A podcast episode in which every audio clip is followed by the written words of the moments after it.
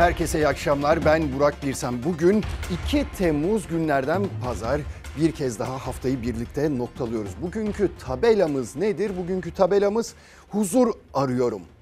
Nereden çıktı bu diyecek diye sorarsanız bugün efendim aşağıda internette böyle gezinirken ülkelerin barış endeksi olduğunu gördüm. Bu hesaplanmış ve oraya baktığımda aslında şunu fark ediyorsunuz. Ülkeler ne kadar huzurlu ya da ne kadar huzurlu değiller. Buna göre hesaplanan bir endeks. Neye göre nasıl hesaplandığını birazdan bülten içinde anlatacağım size. Ama siz de Twitter'dan, Instagram'dan bize huzur arıyorum etiketiyle neden huzur aradığınızı, neden huzursuz olduğunuzu, neyin sizi huzursuz ettiğini mesela yazabilirsiniz elbette bültenimizin içinde de epeyce konuşacağımız şeyler var. Ama önce manşetimize atalım efendim. 9 günlük bayram tatilinin sonuna geldik artık. Sonuna geldik ama tatil bitti, çilesi henüz bitmedi.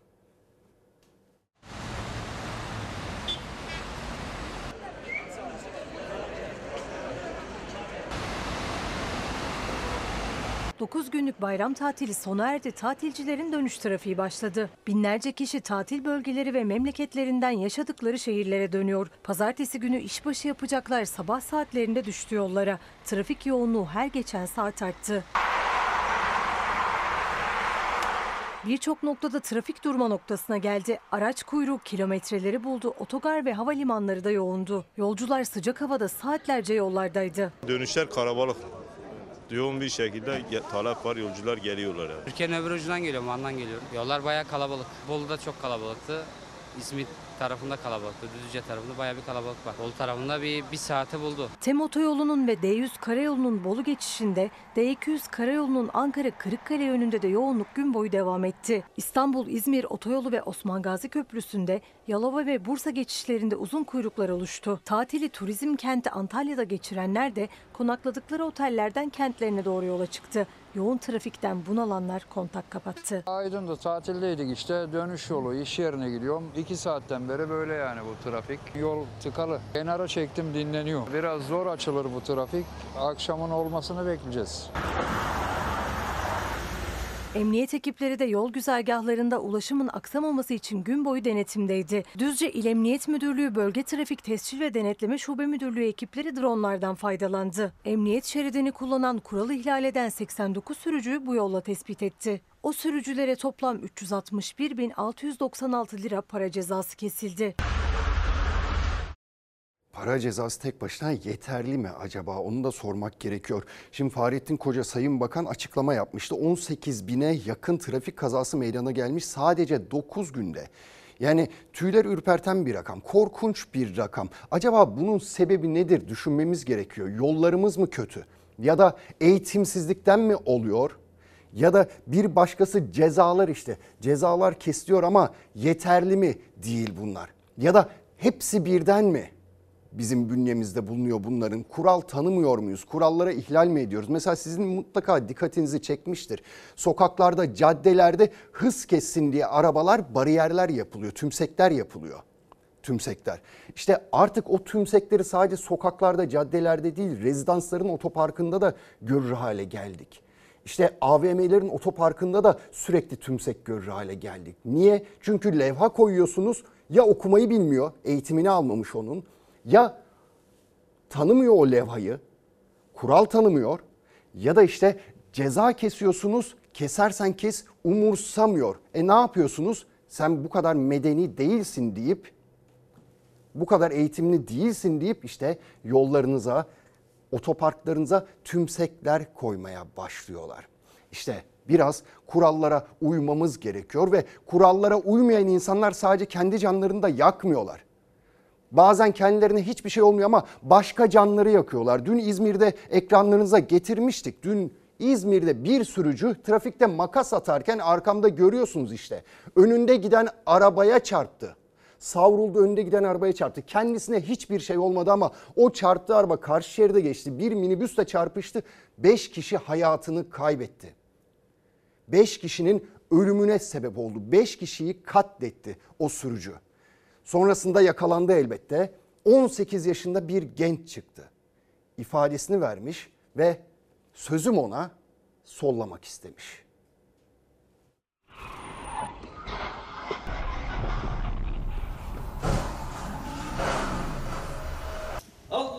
Allahu Ekber. Katliam gibi kazada hayatını kaybedenler dualarla uğurlandı son yolculuklarına. 5 kişiyi hayattan koparan 18 yaşındaki sürücü ise tutuklandı. Sollama yapıyordum diyerek kendini savunmaya çalıştı.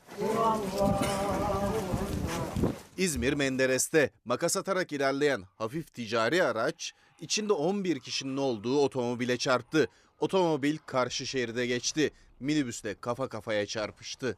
Biri minibüsteki yolculardan toplam 5 kişi hayatını kaybetti. 20 kişi yaralandı. O faciaya neden olan 18 yaşındaki sürücü YK ise arkasına bile bakmadan kaçtı. Sürücü çok geçmeden yakalandı. İlk ifadesinde sollama yapıyordum dedi ama görüntüler tam tersiydi. Makas atarak son sürat ilerlediği açıkça görülüyordu. YK tutuklanarak cezaevine gönderildi. Allahu Ekber. Hayatını kaybeden 5 kişi ise Kurban Bayramı'nın son günü düzenlenen cenaze töreninin ardından toprağa verildi. Üstelik bayramda yaşanan tek kazada değildi bu. Sağlık Bakanı Fahrettin Koca, içlerinde ölümle sonuçlananların da olduğu 17.774 kaza yaşandığını duyurdu. Bayramın ardından dönüş yolunda da trafik kazaları eksik olmadı. Anadolu Otoyolu Bolu mevkiinde 3 zincirleme kaza yaşandı. Toplamda 14 aracın birbirine girdiği kazalar nedeniyle İstanbul istikameti geçici olarak trafiğe kapandı. Uşak ve Malatya'da zincirleme kazaların yaşandığı illerdendi. Adana'da ise iki otomobil çarpıştı. Bir kişi öldü, dört kişi yaralandı. Hayatını kaybeden kişinin yakınları olay yerinde sinir krizi geçirdi. Evet 18 yaşında bir sürücü 5 kişinin ölümüne sebep oldu. İşte bu kanun tanımayanlara, kural tanımayanlar kim olursa olsun adı, yaşı, cinsi kim olursa olsun ibretlik cezalar verilmeli. verilmeli. Gerçekten ibretlik cezalar verilmeli ki bir daha insanlar herhangi bir hata yapacakken kuralları çiğneyecekken o cezayı düşünmeliler. Hani bir yıl, iki yıl, beş yıllık hapis cezası ya da para cezasıyla geçiştirilemez bunlar çok büyük sonuçları olan şeyler. O yüzden ibretlik cezalar verilmeli. Şimdi bir de tweet okuyalım. Doktor Ufuk Bayraktar yazmış. Demiş ki aydınları yakan zihniyet Cumhuriyet'in kongre şehri Sivas'a asla silinmeyecek kara bir leke bıraktı demiş. Hiçbir şekilde e, hiçbir şiddet eyleminin meşru ve haklı bir gerekçesi olamaz. Bunu kafamıza sokmadığımız sürece huzur bizden uzak olacak demiş. Evet gerçekten de öyle ve bugün o Sivas katliamının, büyük katliamın 30. yıl dönümü. 33 tane aydınımız diri diri yakılarak can verdiler orada 30 yıl önce bugün. Ve Madımak 30 yıldır aynı acıyla yanıyor.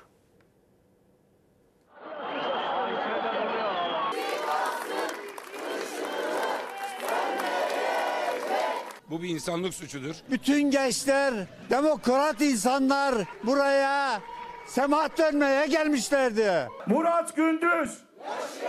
30 yıl önce bir alevle karanlığa gömülen 33 aydın, yüreklerde hiç dinmeyen yangın, yıllardır beklenen ama gelmeyen adalet. Sivas katliamının 30. yıl dönümü 2 Temmuz 93'te 33 aydının katledildiği adreste binler bir aradaydı.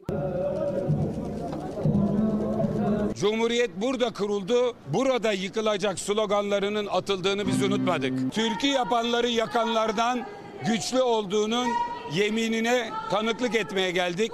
30 yıl önce bugün Güneşin ak yüzüne bir duman çöktü Bir türkü çığlıkla ateşe düştü 1993 yılının Temmuz ayında Sivas valisinin özel davetiyle Pir Sultan Abdal şenlikleri için Sivas'taydı. Şair, yazar, sanatçı ve aydınlar kalabalık bir grup şenliği bastı. Aydınların kaldığı Madımak Oteli'ni ateşe verdiler. Binlerce insanın gözü önünde 33 aydın yanarak can verdi. İki otel çalışanı da olaylarda hayatını kaybetti. Aziz Nesin gibi 51 kişi ise ağır yaralı kurtuldu. Bu gördüğünüz isimler birer fotoğraf değil, birer yaşam, evlat acısı, kardeş acısı, eş acısı, babasız büyüyen çocuklar, annesiz büyüyen çocuklar. Kendimi her 2 Temmuz'da o otelde o kabusun içinde yeniden bulduğum yakın tarihimizin en acı günlerinden biri olan Sivas katliamında yitirdiğimiz canlarımızı saygı, rahmet ve hüzünle anıyorum. Yüreğimizde 30 yıldır sönmeyen bu ateşi, kaldırılmayan enkazı unutmadık aklımda. CHP Genel Başkanı Kılıçdaroğlu gibi tüm muhalefet liderleri katliamda hayatını kaybedenleri andı. Dönemin Sivas Belediye Başkanı Temel Karamollaoğlu da partisinin milletin birlik ve beraberliğine hedef alan vahşet mesajını sosyal medyasından paylaştı. Belkıs Çakır 33 aydının yakılarak, darp edilerek öldürüldüğü alanda resmi kayıtlara göre 15 bin kişi vardı. Sadece 124'ü hakkında layık anayasal düzeni değiştirip din devleti kurmaya kalkışma suçlamasıyla dava açıldı. Geri kalanlar serbest bırakıldı. 13 Mart 2012'de de dava zaman aşımına uğradı, düştü. Bu davanın insanlığa karşı işlenmiş bir suç olmasına rağmen Recep Tayyip Erdoğan ve mahkemenin hakimi dışında bu davaya zaman akışımını yakıştıran, uygulanması gerektiğini söyleyen kimse yoktur. Şimdi sadece 3 firari sanık yönünden devam eden davada bu kez de 30 yıl dolduğu için zaman aşımı riski var. Eylül'de görülecek duruşmada mahkeme Sivas katliamını insanlığa karşı suç kabul etmezse firari 3 sanık hakkında devam eden yargılama da zaman aşımına girecek. Ailelerin yüreği soğuyana kadar bizim yüreğimiz soğumayacak. Biz bu davanın arkasındayız. Asım Bezirci 30 yıl geçti dile kolay. Aradan 30 yıl geçti. Acılar hala dün gibi. Ancak zaman aşımından bahsediyoruz. 30 yıl dol- doldurduğu için zaman aşımından bahsediyoruz. Böyle bir şey olabilir mi? İnsanlığa karşı işlenmiş bir suç olarak görülmezse bu zaman aşımından dava düşecek. Eylül'de bir duruşma daha olacak. Olabilir mi böyle bir şey? Bu insanlığa dair işlenmiş bir suç değilse insanlığa dair işlenmiş suçun tanımını bize bir yapabilir misiniz acaba? Karar verecek olanlar. Nedir o suç? Nasıl bir suç işlenmeli? 33 tane 35 kişi 35 kişi diri diri yakılıyor ve bu insanlık suçu değil midir? Hafifletici nasıl bir sebep olabilir ya da başka bir pencereden nasıl bakılabilir bu olaya, bu davaya, bu kara lekeye? Onu da sormak lazım. Efendim huzur arıyorum demiştik etiketimiz. Şimdi nereden geldi o etiket? Şöyle ülkelerin barış endeksi hesaplanıyor. Avustralya Merkezi Ekonomi ve Barış Enstitüsü, Enstitüsü araştırmayı yapmış ve bu endekse göre 163 ülke arasında 147. sıradayız. Kiminle aynı koltukta oturuyoruz? İran'la Türkiye aynı koltukta oturuyor barış endeksinde. Peki neye göre hesaplanıyor diyecek olursanız hemen onu söyleyeyim. Asıl çarpıcı kısmı bu zaten. Yurt içi ve yurt dışındaki çatışmalardaki ölümler, cinayet oranı, silahlanma, terör, siyasi istikrar ve ülkedeki mahkum sayısı biliyorsunuz ülkedeki mahkum sayısında da Avrupa lideriyiz. Öyle bir durum var. İşte buna göre hesaplanıyor barış endeksi. Yani toplumun iç huzuruna dayalı bir hesap yapılıyor. Ne kadar huzurlu o toplum ona bakılıyor ve biz 163 ülke arasında 147. sıradayız. Ne kadar huzurlusunuz? Acaba evinizde, iş yerinizde, yolda yürürken çünkü huzur olmazsa tüm düzeniniz alt üst olur. Eğer huzurunuz olmazsa işte geçim kaygısı odur budur gelecek kaygısı duyarsanız huzursuz bir yaşam sürerseniz mutlu olamazsınız ve mutlu olamadığınız sürece etrafınıza da o mutluluğu veremezsiniz. O mutluluğu etrafınızla da paylaşamaz, paylaşamazsınız ve maalesef mutsuz bir toplum görüyorum ben baktığımda. Çoğu yerde en azından. Bodrum, Antalya falan bakmayın Allah aşkına. Türkiye'nin yüzde birini ikisini temsil ediyor onlar. Çoğunluğa bakmak gerekiyor ve baktığımız zaman maalesef mutlu olmayan bir çoğunluk görebiliyoruz çoğu zaman. Efendim şimdi emeklilere bir bakalım. Emekliler zam bekliyor. Emekliler, memurlar emekli olacaklar. Zammı bekliyorlar ve çarşamba günü önümüzdeki çarşamba günü her şey belli olacak. Akkoyun, Karakoyun belli olacak. Çünkü enflasyon rakamları açıklanacak. TÜİK yine enflasyon rakamını açıklayacak. Ve Emekli zamda adalet istiyor. Şimdiden uyarıyorlar. Sizin emekli maaşınız ne kadar? 7500. Kök maaşınız ne kadar? Onu şöyle yorumlayayım o zaman. Ha, annem ölmüş kalmışım öksüz. Ha babam ölmüş kalmışım öksüz. Yani zamı yapmış da olsa yapmamış da olsa benim elime geçen bir şey yok. 3 ay önce en düşük emekli maaşı %36 zamla 5500 liradan 7500 liraya yükseltildi. Ama kök aylıklarla ilgili bir düzenleme yapılmadı. Aradaki fark hazineden karşılandı. Haziran enflasyonu bekleniyor. 6 aylık enflasyona göre zam alacak emekliler. Zammın yine kök aylık değil ele geçen rakam üzerinden yapılması bekleniyor. Aksi gerçekleşirse emekliler beklediğinin altında bir rakamla karşılaşabilir. 3800 lirayla başladım. 5,5 7,5 oldu. Şimdi kök maaşının iyileşmesi bizim için daha iyi olur yani. Enflasyona karşı mesela davranmaları lazım yani. En az bir emekli en düşük 15 bin lira alması lazım. Bunun içinde kök aylığın ne kadar olması gerekiyor? 9-10 lira olması lazım kökü. Kiralar almış başına gitmiş her şey. Bir markete giriyorsun 1000-1500 liradan aşağı çıkamıyorsun. 13,5 milyon emeklinin geliri her geçen gün erirken emeklilerin neredeyse yarısından fazlası 7500 lira alsa da kök aylığı 6093 lira olan yaklaşık 9,5 milyon emekli var. 5 aylık enflasyonsa %15,26. Haziran ayı enflasyonuyla %20 olması bekleniyor. 6 aylık enflasyon %20 çıksa bile bu kök aylıkların en fazla 7200 liraya çıkması demek. O yüzden düzenleme şart. Şu andaki emeklilerin %80'i %90'ı çalışmakta. Kök maaşım şimdi şu anda diyelim ki askeri ücret ne kadar? 11.400. 12.000 falan olacak ki onun üstüne de emekliye zam yapması gerekir. Tabandaki kök aylıklarının çözüm olarak asgari ücret seviyesine getirilmesini ve yeni zammın da bu maaşın üzerine eklenmesini istiyor ve bekliyor emekliler. Bunun için de seyyanen bir zam gerekiyor. Seyyanen zam şart. Emekliler zaten unutuldu. Böyle olmaz. 7500 lira alıyorum. Evim kira. Okuyan çocuğum var. İkinci iş yapıyorum. Hani çiftlik iş açım. Ne yapmamız lazım? 5-6 sene sonra hiç çalışamayacağım. O zaman ne yapacağım? Bu, bu şartlar devam ettiğini düşünün. Kök maaş düzenlemesi yapılacak mı? Açıklama yok. Bir başka tartışma konusu da en düşük emekli aylığının 7500 liraya yükseltilmesiyle ortaya çıkan prim adaletsizliği. Emeklilikte prim maaş dengesinin bozulması. Çünkü yıllarca primleri yüksekten yatan emekliler düşük prim yatanlarla eşitlenmiş oldu. 9 yıl artı 400 günde emekli oldum. Hala 7,5 lira maaş alıyorum. Milyarlarca lira para ödedim ben devlete. Yeni emekli olan 5800'den oldu o da benimle aynı maaş alıyor şimdi. İlk emekli olduğumda asgari ücretten %30-40 fazla alıyordum. Adaletsizlik. Düşünsene çalışıyorsun çalışıyorsun yüksek prim ödüyorsun. Öbür çalışıyor az prim ödüyor ama aynı parayı alıyor.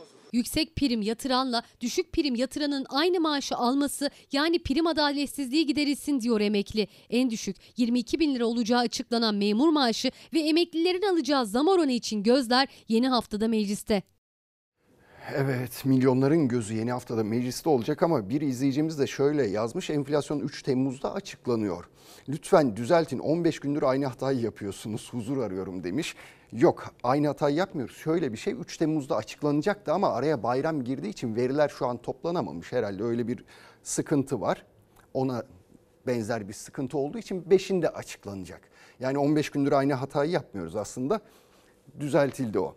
Şimdi efendim emeklinin şunu söylemek lazım. Yani emeklinin adalet çığlığına kulak vermek lazım. İşte 5500 liradan 7500 liraya çıkarttınız. Tamam iyi güzel hoş ama asgari ücretin hala altındalar. Mesela emeklerle ben konuştuğum zaman şunu söylüyorlar. Bundan bir yıl, bir buçuk yıl öncesine kadar benim maaşım diyor emekli olarak benim maaşım asgari ücretin bir tık üzerindeydi. Ama bugün geldiğimiz noktada benim emekli maaşım asgari ücretin altında kaldı diyor insanlar. Bundan dert yakınıyorlar. Büyük bir adaletsizlik var o konuda. O yüzden hani en azından gerçekten de asgari diyorsunuz ya asgari geçim ücreti 11.400 lira. Demek ki bunun altına insanlar yaşayamaz, geçinemezler. Değil mi? Bunu siz söylüyorsunuz. Yönetenler olarak bunu siz ilan ediyorsunuz. O zaman neden emeklilere de asgari ücret kadar bir para vermiyorsunuz? Bir maaş bağlamıyorsunuz. Bunu da sormak elbette onların da hakkı. Bizim de aklımıza geliyor. Size iletelim buradan yönetenlere ki şu adaletsizlik, maaşlardaki adaletsizlik kalksın bir an önce. Şimdi ha enflasyon rakamları demişken TÜİK'in açıklayacağı enflasyon rakamları çarşamba günü. Ama İstanbul Ticaret Odası Haziran ayı enflasyon rakamını açıkladı. İstanbul'un enflasyonunu açıkladı. Nedir o da? Yıllık enflasyon %55,19 oldu. Çilek 50 lira alacak. Paketler 50 lira. Neler aldınız efendim? Bir şey almadık daha. Çok pahalı kızım. Nereden geldi? Adapazarı Geyve. Kaç kilometre? 260 kilometreden geliyoruz biz. Evet. Köprü parası. Köprü parası, otoban parası, mazot parası yani en büyük maliyetlerden bir tanesi. İhracata gidiyor ürünler. İhracata gittiği için de e, maalesef e, buradaki tüketici e, müşterilerimize e, kolay kolay ürün tedarik edemiyoruz. Tüketicisi çok, üreticisi yok. Mega kentin yolları paralı, yaşaması pahalı. İstanbul'un enflasyonu Haziran ayında da tırmanışını sürdürdü. Önceki aya göre %3,46'lık artışla yıllık %55,19 oldu İstanbul Ticaret Odası'nın enflasyon verisi. Dört çocuklu Osman Akman, İstanbul'da yaşayabilmek için ek iş olarak pazarcılık yapıyor. Memleketinden getirdiği turşulukları satmaya çalışıyor ama astarı yüzünü yakaladı maliyette. 15 liraya Mardin'den aldığı ürün İstanbul'a getirene kadar 30 lirayı buluyor. Ne kadar Mardin'de acı? Mardin'de 15 lira, buraya gelene kadar 30-35 oluyor. 35'e dedi. Alabilecek misiniz? Dönüşte bakacağız. Para kalırsa. Evet. Peki nasıl fiyatlar pazarın genelinde? İnan ki berabat. Vallahi İstanbul enflasyonu bitmiş zaten. Biz şu anda 2-3 tane iş yapıyoruz. Bir tekstil işi yapıyoruz, pazara çıkıyoruz. Çocuklarımız okuyor, para yetiştiremiyoruz. Kira veriyor musunuz? 5'ten 10'a çıktı. Herkes memleketine dönüyor. İstanbul'da yaşamak çok zor oldu. İstanbul'da yaşamanın maliyetini aslında her ay İstanbul Ticaret Odası açıkladığı enflasyon oranlarıyla ortaya koyuyor. Enflasyonunu en son %40'ın altında açıklayan TÜİK, Haziran ayı oranını bu hafta açıklayacak ama İstanbul'la Türkiye arasındaki makas açılmaya başladı. Çarşı pazardaki fiyatlar da enflasyonun düşmediğini açıkça gösteriyor. Yaz sebze ve meyveleri tezgahta mevsim normallerin üzerinde. Zeytinburnu semt pazarında en ucuz ürün maydanoz ve nane 10'ar lira. Kabak 10, bezelye 15, taze fasulye 20, domates 16, salatalık 12 lira. Kiraz 40 liradan başlıyor. Mısırsa pazar tezgahında 5 tanesi 30 lira. Gezerken yemek isterseniz eğer İstanbul'da tanesi 25 lira. Buyurun, buyurun, buyurun, buyurun. Belediye sağ olsun, devletimiz olsun, metrolar, e, belediye halk otobüsleri falan hep ücretsiz zaten. Mısırları o zaman kaça aldınız? Tanesi 25 TL. Bizim oralarda 5 liraya falan alınır da buradan biliyorsun malum yani. Ordulu aile İstanbul'da gezerken 5 liralık mısıra 25 lira verdi. İstanbul'un sadece gıdası değil pahalı olan İTO enflasyonuna göre Haziran ayında en çok kültür, eğitim ve eğlence harcamaları arttı. Ulaşım da fiyatı en çok artan ikinci grup. Bayram tatilinde ise bedava ulaşım olunca gezme fırsatı bulunabildi. Mekanlar boş kaldı, ağaç gölgelikleri doldu taştı. Menüden sipariş vermek yerine daha uygun fiyata alınabilen simit ve dürümlerle çimenlerin üzerine sofra kuruldu. Mekanlar biraz e, pahalı olduğu için, fiyatlar tuzlu olduğu için buraya geldim. Ne kadar peki toplam maliyeti verdiniz? 600 lira. Çok fazla. Bu sofra falan değil. Bizim gibileri yaşamaya da hakkı yok herhalde artık. Öyle gibi görüyorum. Kendim çalışıyorum. 25 yıldır çalışıyorum. Hiçbir şey yok. Sizde de simit var. Yorulduk simit molası. Hem gezme hem yeme içme aşırı pahalı geliyor. Hayat çok pahalı. Döviz kuru sürekli artıyor. Ve bunlar zam olarak bizlere geri dönüyor. İşte İstanbul'un enflasyonu %25. İstanbul Ticaret Odası bunu açıkladı. TÜİK'e göre enflasyonumuz Türkiye'nin enflasyonu %39'du ama şimdi çarşamba günü enflasyon rakamlarını açıklayacaklar. Bakalım ne çıkacak enflasyon ve şimdi artmaması gerekiyor. Geçmişe baktığımız zaman Haziran, Temmuz, Ağustos dönemlerinde enflasyonun artmadığı aksine düştüğü dönemlerde, aylarda ama şimdi görüyoruz ki enflasyon hayır durmuyor. Yükselmeye devam ediyor ve zor bir kış geçireceğimizin de habercisi gibi maalesef. Eğer bugünlerde bu enflasyonu yaşıyorsak biz kışın kim bilir ne hallere geleceğiz. Şimdi Dünya Bankası verilerine göre de gıda enflasyonu hesabı yapılmış. Türkiye en yüksek 10. gıda enflasyonunda en yüksek 10. ülke. E bu kadar basit işte. Yani tutamıyorsunuz, fiyatları tutamıyorsunuz ve Venezuela, Lübnan, Zimbabwe ile aynı ligdeyiz gıda enflasyonunda. Belki ismini duymadığınız bazı ülkelerin o ülkelerle aynı ligde mücadele veriyoruz. Yanlış yapılan hatalı politikalar, izlenen hatalı politikalar nedeniyle ama elbette TÜİK gibi bir kurumumuz var değil mi bizim? Ne yapar? Eder enflasyonu bir şekilde dizginler. Çarşamba günü göreceğiz ama TÜİK'in yaptığı bu şeyler işte sizin memurların, memur emeklerinin zamlarını da etkileyecek. Asgari ücret belirlenirken çünkü TÜİK göz önünde bulunduruluyor. Her şeyi etkiliyor. Bir tek zamları etkilemiyor TÜİK'in hesabı. Şimdi gidelim. Demin hani emekliler söylemişti ya adalet istiyoruz zamlarda diye. Adalet her konuda lazım. Ha, mesela bir izleyicimiz demiş ki huzur arıyorum adalet gelince huzur arkasından gelir demiş. Çok doğru söylüyor.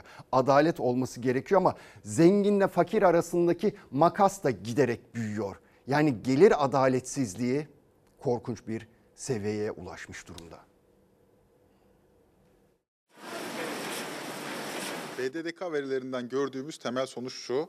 Çok büyük bir gelir adaletsizliği söz konusu. %99'u kalan %1'i için çalışıyor ve onları bir türlü doyuramıyorsa burada ciddi bir sorun var demektir. Binde yedilik azınlığın toplam parası 7.2 trilyon lira.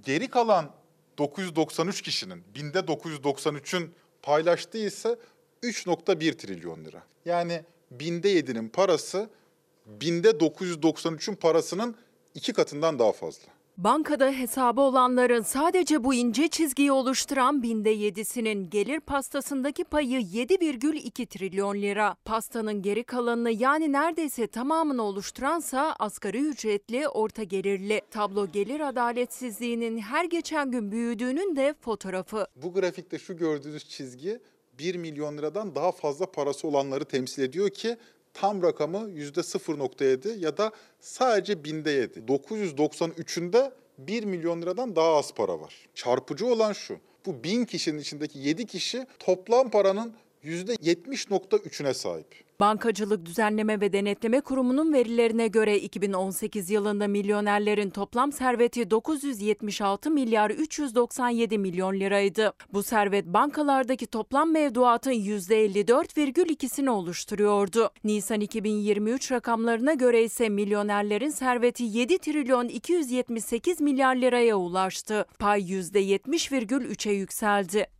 Enflasyon devam ettiği sürece, dolardaki değerlenme devam ettiği sürece, altındaki değerlenme devam ettiği sürece sadece parasını yatırarak birçok insan bu şekilde zengin olacaktır. Geçen sene kur korumalı mevduata yatırmış 750 bine. Şimdi bir bakmış ki 1 milyon 200 bini var. Aa ne oldu? Milyoner oldu. Durduğu yerde değerlendiği için sayı zaten artıyor. Bu grup ise neden küçülüyor? Çünkü bunların değerlendirecek bir şeyi yok. Bunlar zaten 10 bin, 15 bin yani maaşı yatıyor. Yani zengin parasını sadece bankaya yatırarak çoğaltıyor. Sabit gelirli ise yatan maaşını çekip hatta daha çekmeden borçlarını ödeyerek tüketiyor. Bir şükürsüzlük aldı başını gidiyor. TL cinsinden geliri sabit olanlar sürekli olarak aslında alım güçlerine bu %70'e transfer edeceklerdir. 7.2 trilyon liralık %70'lik grup parasının %70'ten fazlasını zaten kur korumalı mevduatta tutuyor.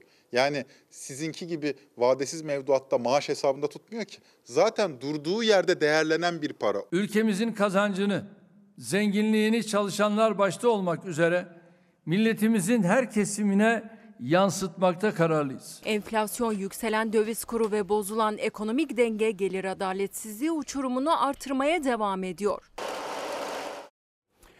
Sayın Cumhurbaşkanı yıllar önce ne güzel söylemişti mi? 2016 yılında tekrar edeyim kaçırdıysanız eğer. Dünyanın %99'u kalan %1'i için çalışıyor ve onları bir türlü doyuramıyorsa burada ciddi bir sorun vardır. Dünyanın demiş ama Türkiye'de de böyle şu anda ve siz 20 küsur yıldır iktidardasınız, 20 yıldır iktidardasınız. Aslında önce kendi evimizin önünü süpürmemiz gerekiyor. Dünyayı falan diğer ülkeleri bırakın. Önce kendi evimizin önünü süpüreceğiz ki ondan sonra dünyaya akıl verebilelim veya dünyadaki gelişmelere karşı bir şeyler söyleyebilelim, iki cümle kurabilelim. Ama bizim memleketimizde şu an büyük bir gelir adaletsizliği var. Resmen kendi memleketimizde %99 %1'i kalkındırmak için çalışıyor. O duruma geldik neredeyse. büyük bir adaletsizlik var ve Cumhurbaşkanlığı hükümet sistemine geçtiğimiz 2018 yılında bakınız neymiş? Milyonerlerin bankalardaki serveti 976 milyar. 2023 yılında 7,2 trilyon olmuş. Hani şahlanacaktık, hani uçacaktık bu sistemle biz? Hayır. Şu an yani tabiri caizse paraşütsüz alçalıyoruz. Paraşütsüz düşüyoruz. O duruma geldik. Yani Cumhurbaşkanlığı hükümet sistemi de fayda etmedi. Fayda edecek gibi de görünmüyor ama şunu hemen söyleyeyim. 2018'den bu yana fakirleşiyoruz dedim ya. Cumhurbaşkanlığı strateji ve bütçe raporundan paylaşayım ben size resmi verileri. 2018'de 3,5 milyon hane sosyal yardım alıyormuş. 2022'de 1 milyon artmış. 4,5 milyon hane sosyal yardım almaya başlamış. 2019'da 1 milyon 343 bin hane elektrik yardımı alırken 2021'de 1 milyon 792 bine çıkmış ama durun. 2022'de iki katından fazla artmış elektrik yardımı alan hane sayısı. Ne olmuş? 3 milyon 582 bine ulaşmış. Ve yani yardıma muhtaç bir toplum haline geldik. Yazık değil mi bize de? İşte bu adaletsizliği gidermemiz gerekiyor. Şimdi neredeydi arkadaşlar o? Nerede olmuştu? Yeri neresiydi?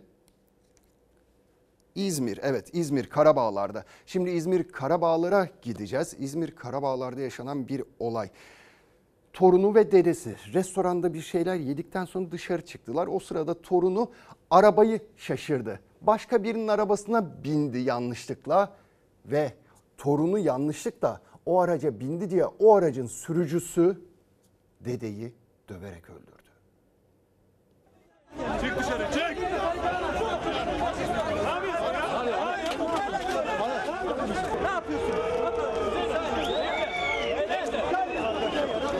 Yumruk attı, yumrukla öldürdü.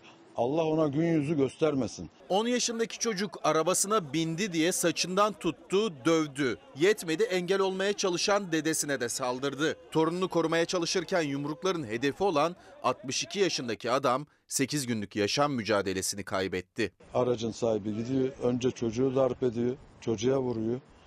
Kafasını cama vuruyor aracın. İzmir Karabağlar'da bir restorana yemeğe gitmişti Dede Necmi Gültiren ve 10 yaşındaki torunu. Yemekleri bitti, 10 yaşındaki kız arabaya koştu. Ama arabaları karıştırdı. Nihat Pekyen'in arabasına bindi. Pekyen kızı saçından tutup arabadan çıkarttı, dövmeye başladı. Koşuyor gene sert bir şekilde arka arkaya 3 tane falan yumruk atıyor. Küçük kızın dedesi Necmi Gültiren torununu kurtarmak için koştuğunda bu defa yumrukların hedefi o oldu. Nihat Pekyan tarafından önce tartaklandı, ardından yumruklandı. Göğsüne ve başına aldığı darbelerle yere yığıldı dede Gültiren. Hemen hastaneye kaldırıldı, tedavi altına alındı. Ne yapıyorsun? 8 günlük yaşam mücadelesini kaybetti 62 yaşındaki Necmi Gültiren. Saldırgan Nihat Pekyen de gözaltına alındı, çıkarıldığı mahkemede tutuklanarak cezaevine gönderildi. Gün yüzü görmesin istiyorum. Böyle bir insan dışarılarda gezmesin, iki ayaklı tehlike diyorum. Şimdi Bursa'ya gideceğiz. Kurban Bayramı'nda 1700 kişiyi baba oğul dolandırmıştı. Niye tutuklandılar peki ikisi birden? Dini duyguları sömürerek dolandırmaktan tutuklandılar. Bak şu numuneleri çek bak. Bunlar dana. Şunlar? Kıyma. Bakın şöyle bir bakın. Buyur. Bakın şöyle. Bugün kesilmiş et donmuş kardeşim. Abi şunu da gösterir misin? Buyur. Salama bırakın.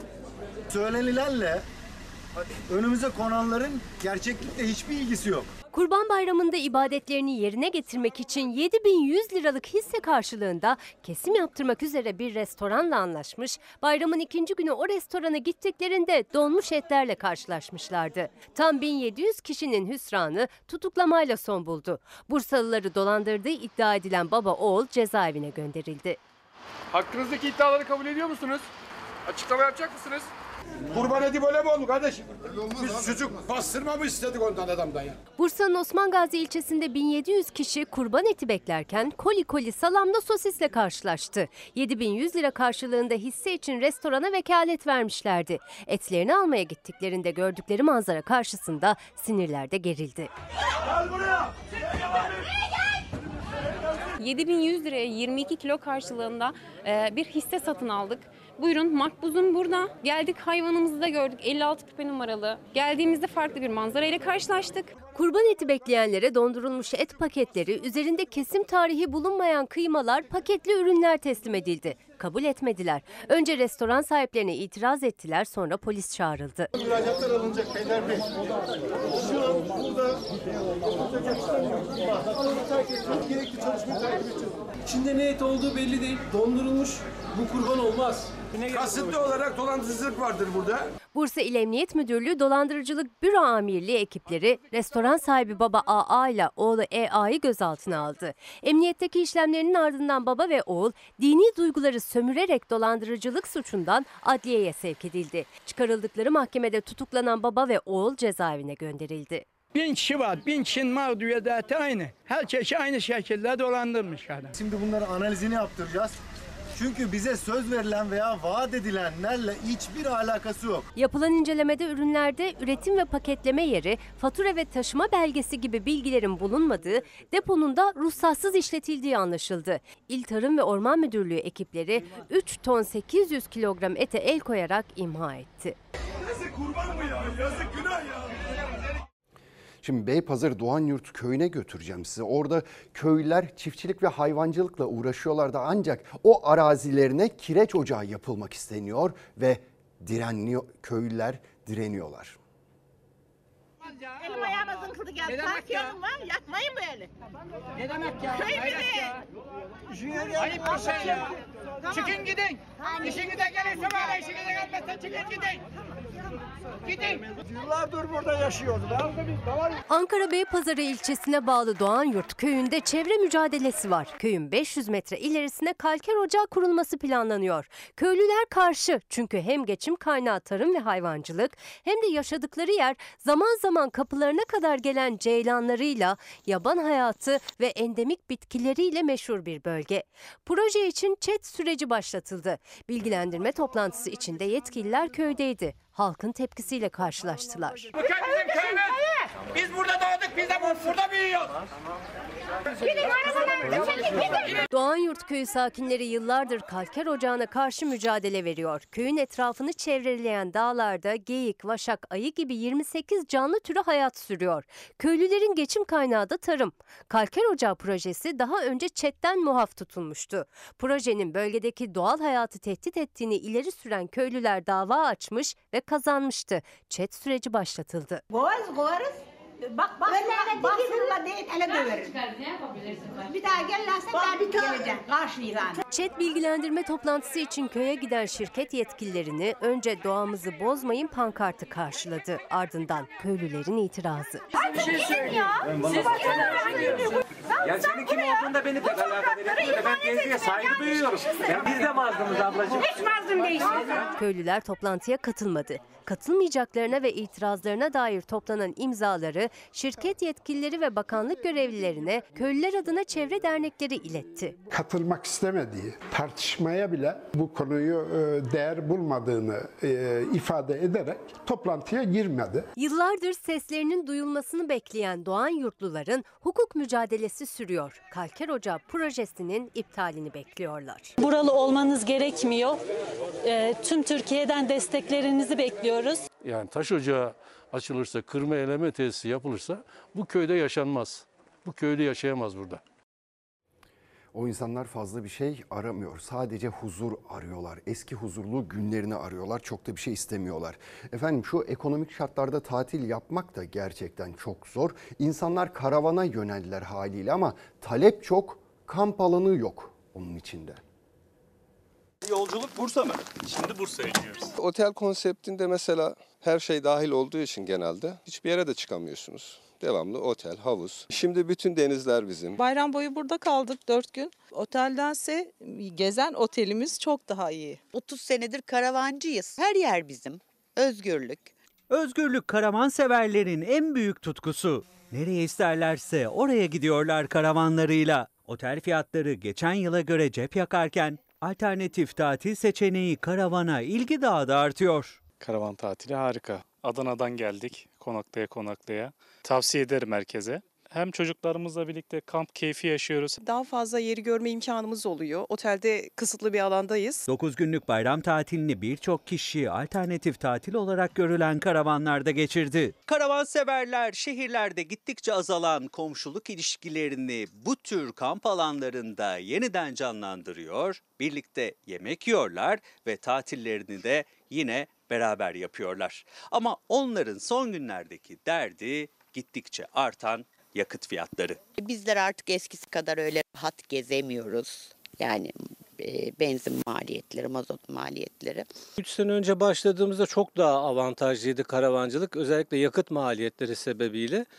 Bu son geldiğimiz dönemde biliyorsunuz yani çok fazla arttı. En son ben e, güney bölgelerini gezdim. O zaman e, 3 bin lira civarında bir yakıt masrafım oldu. Ama bugün gitsem herhalde 9 bin lirayı bulur. Bulunduğumuz karavan 4 kişilik Coşkun ailesinin çekme karavanı. Bir otel odasından farksız burada bir mutfak var. Mutfağın hemen yanında bir yemek masası var. Arka kısımdaysa iki çocuk için bu şekilde bir ranza, ranzanın da yanında bir duşla tuvalet var. Böyle bir karavana sahip olmak isteyenlerse dövizin artışıyla birlikte geçen yıla göre daha fazla para ödemek zorunda. Geçen sene de e, yaklaşık işte 28.500 euronun karşılığı 650-700 bin lira civarındaydı. Bu, bugün itibariyle 1 milyonun üzerinde maalesef. Gören ailesi de 3 yıldır karavan sahibi ve 3 yıldır da tatillerini bu şekilde gerçekleştiriyorlar. Şimdi onlar Ömerli'deki bu karavan parktalar. Onları kahvaltıda yakaladık ve bundan sonraki durakları da Gören ailesinin Balıkesir olacak. 15 günlük bir otel bütçesiyle 45 günlük karavan seyahati rahatlıkla planlayabiliyorsunuz aslında. Bir karavanınız var ama o karavanı her yere park edip konaklayamıyorsunuz. Hatta cezalarla karşılaşma ihtimaliniz bile var. Karavan sahipleri de bu tür karavan parkların yaygınlaşmasını istiyor. Belediyeler tutanak tutarlar. Eğer gerçekten rahatsızlık verici bir konuysa, yerse cezalar kesilebiliyor. Belediyelerin, devletin destek olup karavan park olarak açılabilir. Oralara binalar dikmektense bu tür böyle doğal e, kamp alanları açmak insanları daha da çok teşvik edecektir. Fransa tam 5 gündür ayakta ve bu kez Adalet Bakanı sahneye çıktı. Eyleme katılan gençlerin ailelerini tehdit etti.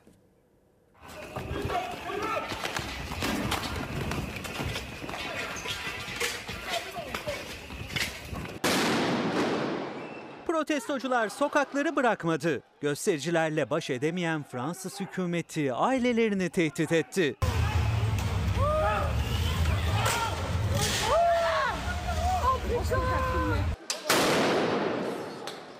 Fransa'da polis kurşunuyla ölümü öfke dinmiyor. Olay anı ile ilgili ortaya çıkan bir ses kaydı gerilimi daha da artırdı. Kaydın sahibi 17 yaşındaki Nahel'in öldürüldüğü gün araçta olan ve sonrasında kaçan bir gençti.